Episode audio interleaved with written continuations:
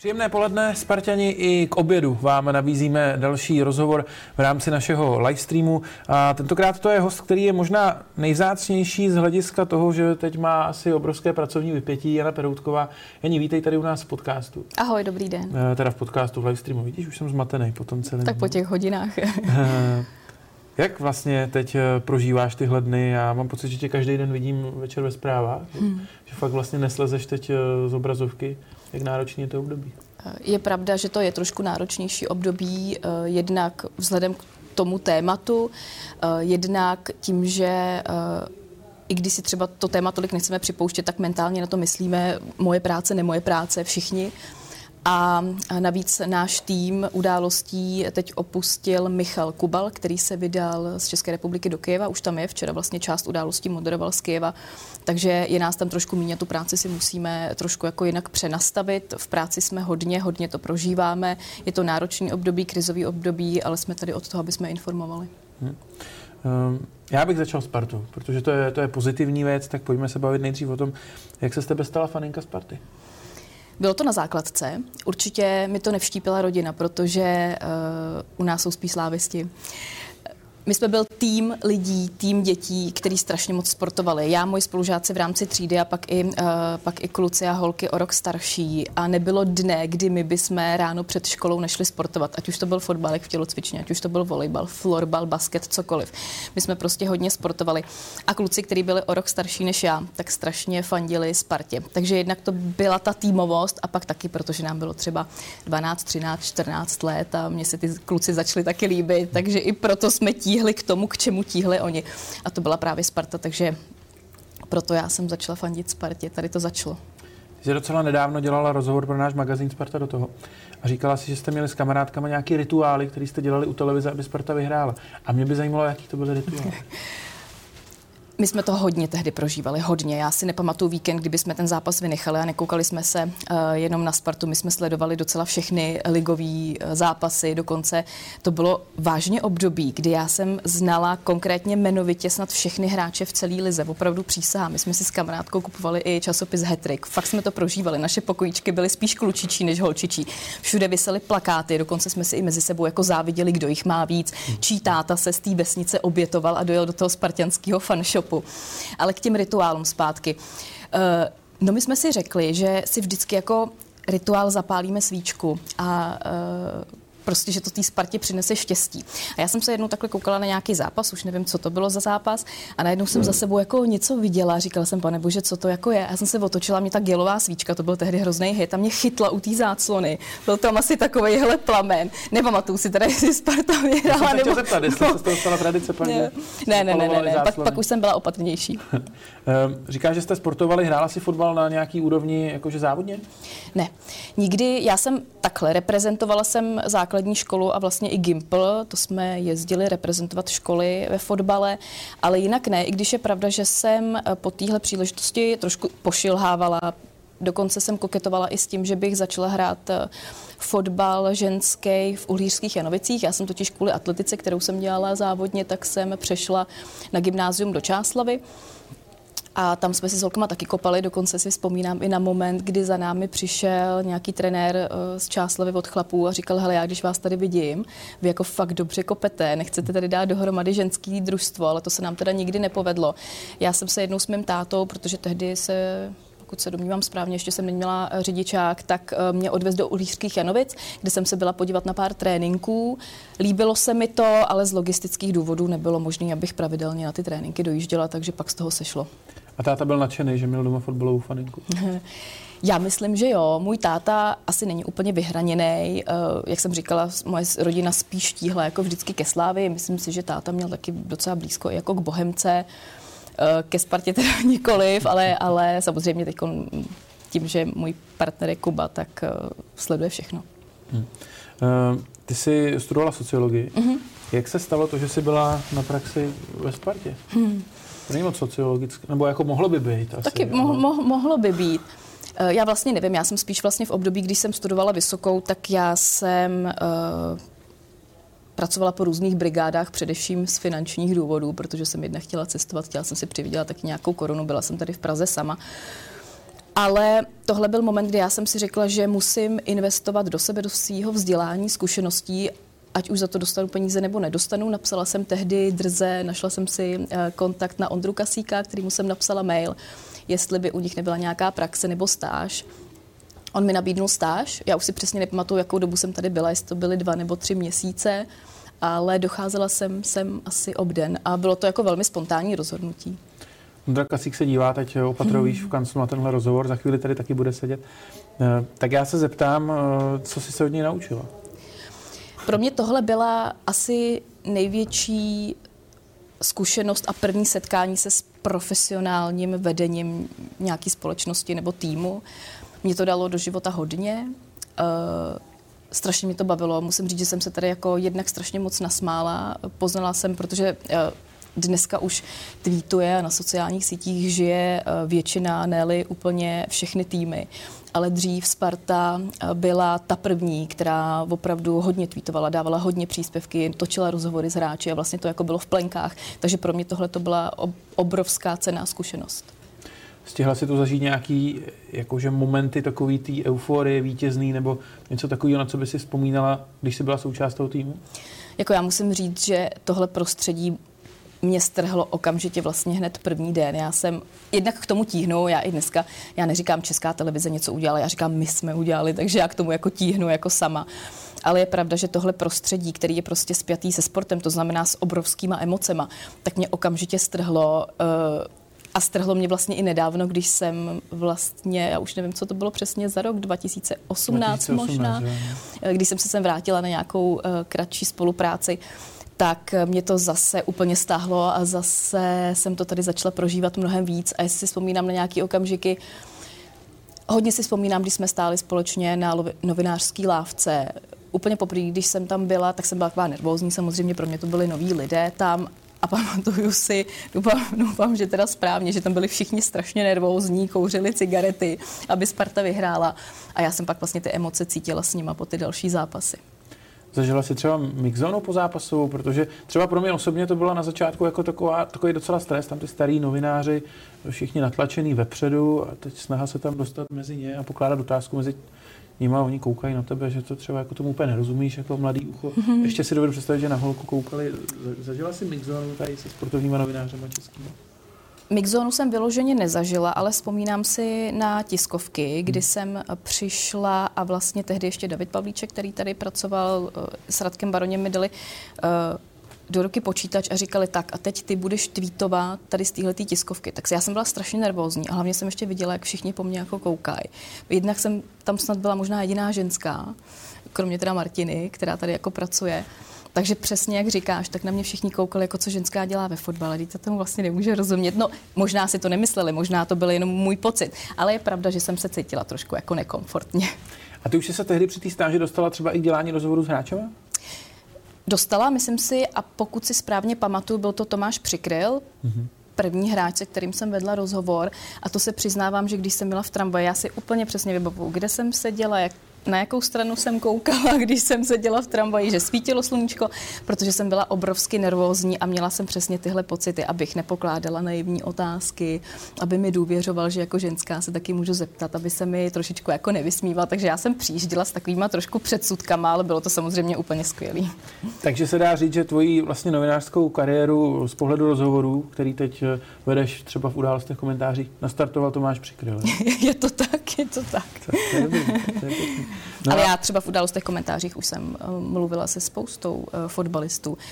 S Gibre Selasiem jsem mluvila, mluvila jsem taky s Tomášem Vaclíkem, se kterými jsme teda samozřejmě probírali společenský témata, nikoli výsledky, ale bavili jsme se o předsudcích, o stereotypech, bavili jsme se uh, o rasismu třeba. No, no, když máte v událostech komentářích fotbal, tak to nikdy není úplně jako asi Nikdy to není o výsledcích. Dobrá zpráva pro fotbal. Uh, Vím, že když byly eh, holky v redakci sportu v České televizi a vlastně asi i v jiných, v jiných médiích, tak vždycky měli trošku náskok před, eh, před těma chlapama, reportérama, protože ty fotbalisti k ním přistupovali jinak, třeba v pozápasových rozhovorech, v hodnocení zápasu. Bylo takový sdílnější, eh, fungovalo to tak. Zažila si tohle taky třeba i v tom období, jak říkáš, rok 2018, kdy si tady dělala i, i předzápasové rozhovory a tak, už to bylo vyloženě práce s mikrofonem, jestli, jestli si to dobře pamatuju. No, je, je pravda, že už vlastně v tom roce 2018 já jsem byla hrozně překvapená, jak se za těch nějakých 6-7 let, co jsem tady nebyla, hrozně to prostředí tady proměnilo. Já jsem tady najednou narážela na holky, na ženský, který tady pracují a dneska jich teda tady, tady taky strašně moc. Uh, určitě se ty kluci tak jako možná lehce chichotali uh, a pousmívali nad tím, že uh, holka s nima přišla dělat rozhovor, ale nemyslím si, že by, že by to bylo nic To už bylo v době třeba, kdy byla Monika Čuhelová, že jo, tak už to mm, bylo asi mm. docela obvyklý.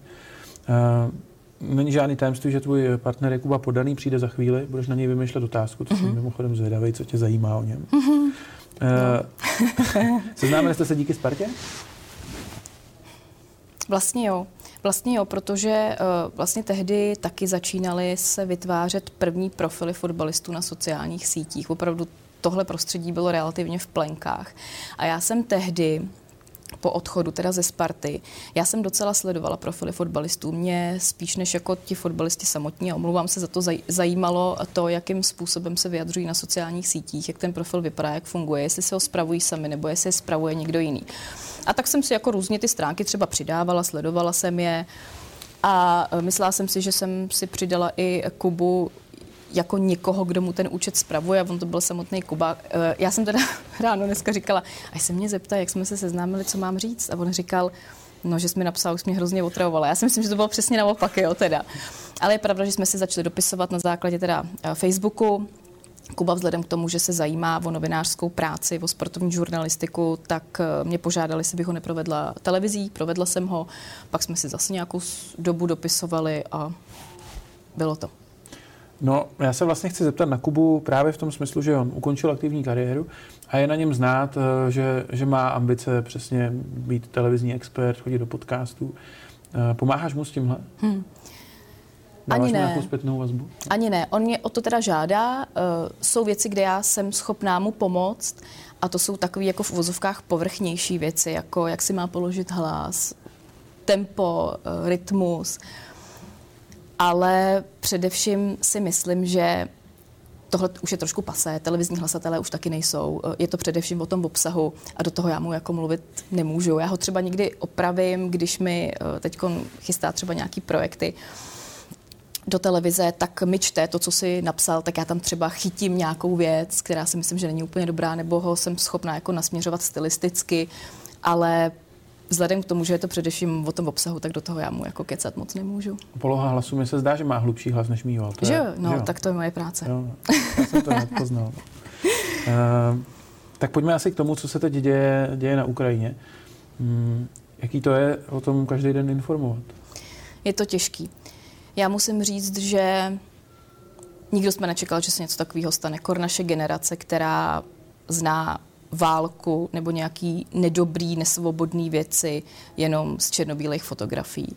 Na druhou stranu je pravda, že já jsem hlavně po tom, co se nám narodili děti, jsem začala přemýšlet, že eh, se musí stát něco špatného, protože není normální, aby Evropa eh, po tolik desetiletí žila v míru a v klidu, že jednou se to musí stát. A teď jsem si jenom říkala, stane se to mojí generaci, stane se to mým dětem, tak už je to tady. Ale nikdo jsme si to samozřejmě jako nedokázal představit. Je to úplně nová situace, je to krizová situace.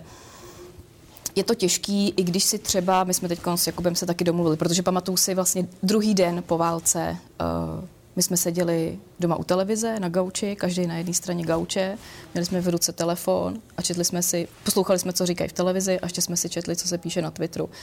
A ten den já jsem se večer cítila tak strašně unavená z těch všech informací, které přicházely, vzhledem k tomu, že jediná nebyla dobrá. A ten strach, eh, že jsme si řekli, že to trošku musíme omezit, takže televizi skoro doma nezapínáme. Přesto samozřejmě lidé se nebaví o ničem jiném, než je válka na Ukrajině, která se nás bezprostředně týká takže je to komplikovaný v práci. Co se změnilo? Máme trochu víc práce, ta práce je, jde prostě jenom jedným směrem, týká se jenom jednoho tématu, ale myslím, že to zvládáme teda velice dobře. Já si to taky myslím. Hmm. Um, my tady máme ukázku. Já vlastně nevím, jestli ti to je příjemný.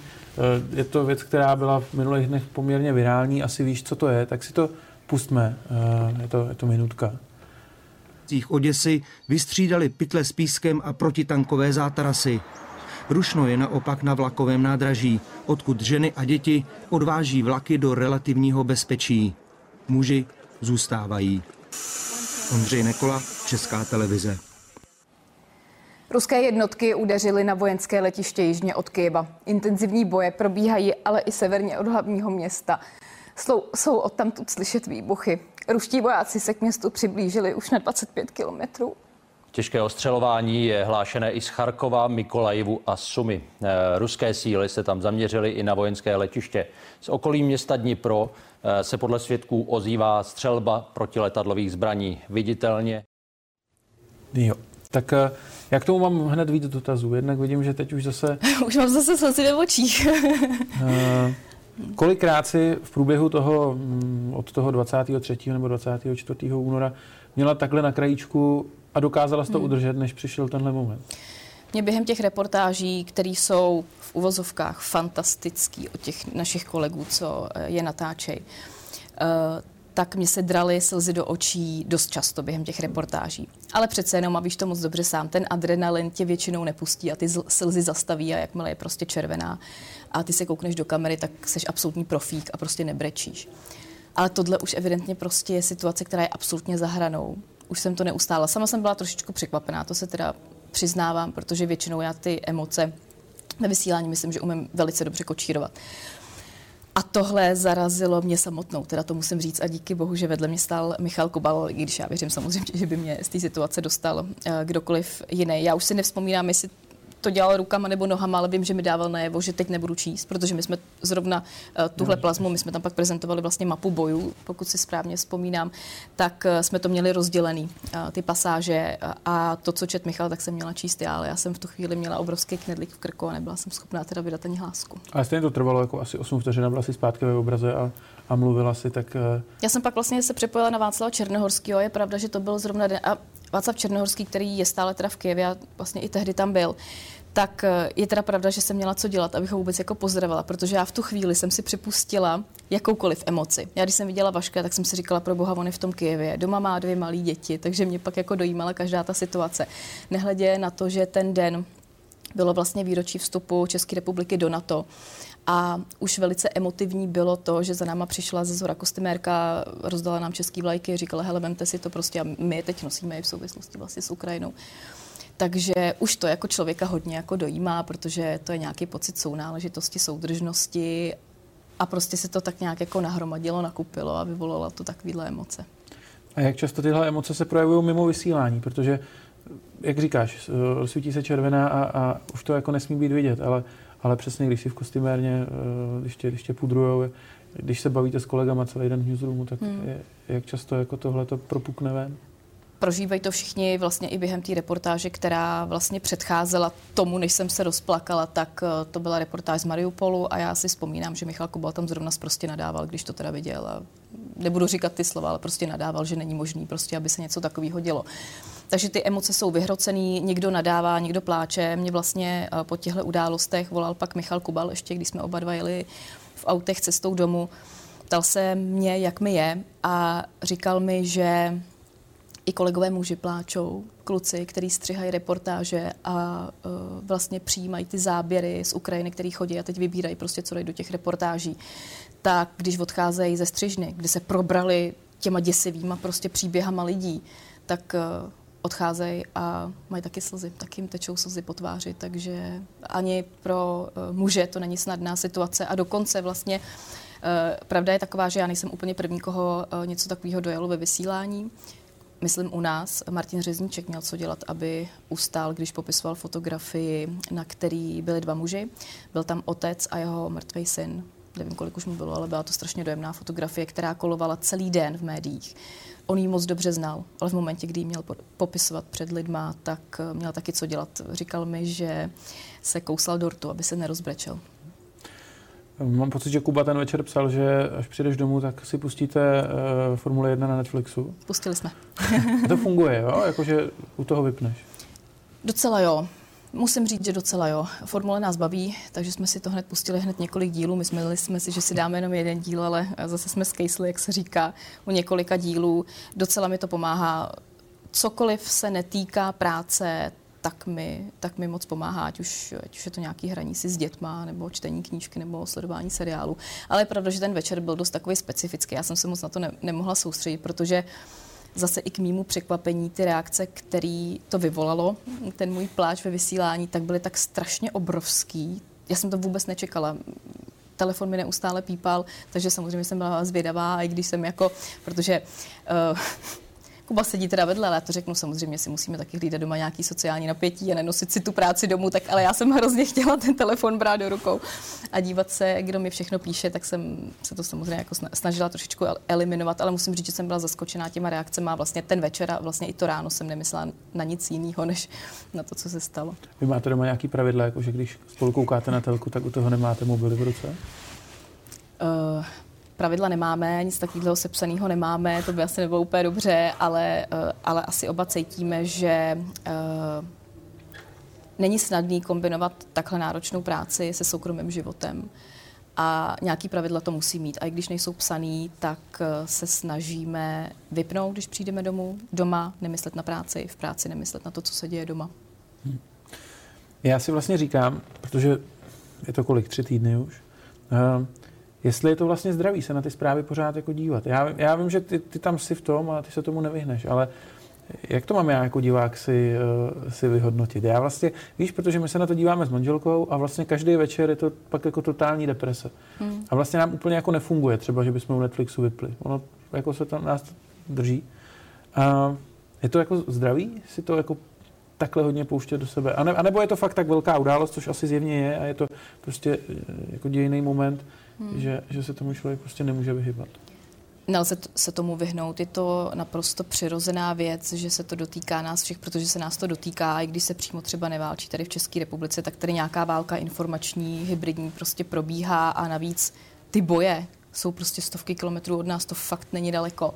Takže je to logický. Určitě bych si zpravodajství dávkovala v téhle době, když v tom člověk vyloženě nepracuje. A je pravda, že i když v tom pracujeme, tak si taky říkáme, že teď to musíme dávkovat, že není dobrý že není dobrý uh, se na zpravodajství dívat opravdu minutu po minutě. Nemyslím si, že to je úplně nejdůležitější i pro nějaký mentální zdraví. Navíc úplně upřímně nechci strašit, ale myslím si, že to nejhorší nás teprve čeká, takže si myslím, že bychom měli šetřit síly, jak dobrovolníci, tak i ti, kteří, eh, kteří se třeba nechtějí nějak jakoby angažovat, ale prostě cítí, že je ta situace nějak, že je podle moje kolena, že to třeba úplně psychicky nezvládají, takže já bych, já bych nějakým způsobem odpočívala a úplně bych se nezahlcovala negativníma zprávama. No a já jsem se právě ještě na ten strach chtěl zeptat, protože mám pocit, že jako extrémně roste v lidech. Moje mamka si dala uh, včera mm. dohromady všechny cenosti, co doma má, aby je, když, tak, když by utíkala, si mohla vzít. Uh, rádi a tady kolega kameraman studuje články, kam má, kterým směrem má utíkat, až padne atomová bomba. Uh, přemýšlíte o tom při, při tvorbě toho zpravodajství, aby, aby nějakým způsobem ten strach jako v těch lidech nerost víc, než je třeba v tuhle chvíli nutný? Jednoznačně o tom přemýšlíme a myslím si, že i uh, Eh, to, jakým způsobem vystupujeme, že doufám, že jenom nestrašíme lidi. Samozřejmě my jim předáváme pravdu a prostě t- ta fakta, která se tam dějí, proto tam třeba i v Kyjevě teď máme prostě dva zpravodaje, kromě Michala Kubala je tam ještě ten Václav Černohorský, vlastně, se kterým jsem měla v událostech ten vstup. Uh, tvoje otázka byla? No, otázka byla, jestli přemýšlíte, aby lidi nebyli moc vystrašeni. Jednoznačně. Já když si třeba vzpomenu, je, je to teda mnohem, mnohem složitější než třeba během covidu. Na takový ten v uvozovkách optimismus jsme tam měli Dana Stacha, který vždycky, když přišel, tak eh, ten přišel vždycky s nějakou nadějí. A my se taky snažíme mluvit o naději. Já tuhle otázku vždycky pokládám, vždycky hostům pokládám, jakou naději prostě, jakým způsobem se utěšují v těch posledních dnech, jakou naději mají. Mimochodem, když jsem mluvil o tom, že se lidi jakým, nějakým způsobem připravují na to, kdyby, nedej bože, měli taky utíkat ze svých domovů. Já jsem teď četla rozhovor uh, s lékařem, který tvrdí, že vlastně pro mentální zdraví to vůbec není špatná věc. Udělat si doma pořádek. Jestli vás to uklidní, zbalit si ten batůžek, tak si ho zbalte. Člověk se aspoň uklidní. Přesně že? tak. Přesně tak. Uh, ještě mě zajímá, jestli se potkáváš uh, s tou opačnou stranou barikády, protože uh, i teď máš na sobě uh, hmm. dvě vlajky, českou a ukrajinskou. Uh, ono je jasný v tomhle konfliktu, jak to je a kde je dobro a kde je zlo ale stejně jsou lidi, kteří tu situaci otáčejí. Jak moc se jako k tobě dostávají jejich reakce a jak moc to řešíš? Musím říct, že moc ne. Nevím, jakou roli v tom hraje to, že dezinformační weby jsou zkrátka vypnutý. určitě taky svoji roli. Myslím si, že v tom hraje roli i strach, že lidé, kteří by za jiných okolností, kdyby nebyla válka, ale stáli by na straně Ruska jednoznačně, tak teď ví, že by se dostali eh, třeba i do křížku se zákonem, tak si dávají větší pozor. Ale ze zvědavosti občas nahlídnu do různých třeba facebookových skupin nebo i na třeba na profily některých bývalých poslanců, kteří se teda netají, dokonce mají to odporný z i jako profilovou fotku. Netají se teda sympatie má k Rusku, přestože prostě okupuje cizí zemi. Tak občas k ním nahlídnu, spíš to je pro mě taková sonda do společnosti, s čím vším se člověk jako potkává. Nechci žít úplně ve své bublině, která samozřejmě jako je ta dobrá, ta na té správné straně, takže mě samozřejmě zajímá, jak to mají i ty ostatní lidi, jak moc jsou jako radikální nebo ne. Ale že bych z toho měla úplně špatný pocit, nemůžu říct. Ale roste to, ne? Roste jako, když ten první týden to bylo jasný. To, to nikdo nevystrčil hlavu tady mm, z těch mm, lidí. Mm. A teď se mi zdá, že už jako na Facebooku je to všude. Určitě to roste, těžko říct, no.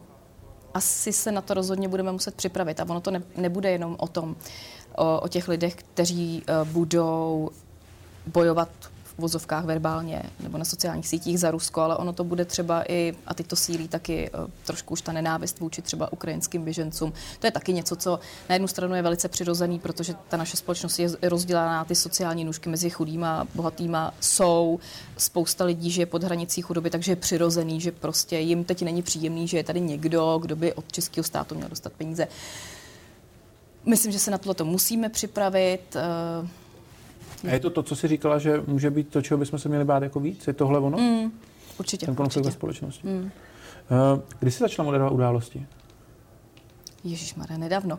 No, Začala jsem říkám, vlastně ale... loni, loni od ledna jsem uh, se stala už naplno součástí událostí po tom, co vyšla Daniela Písařovicová, ale pár měsíců předtím jsem se takovým nějakým způsobem vlastně zacvičovala. Takže to byl ten hlavní nápor covidu a pak válka.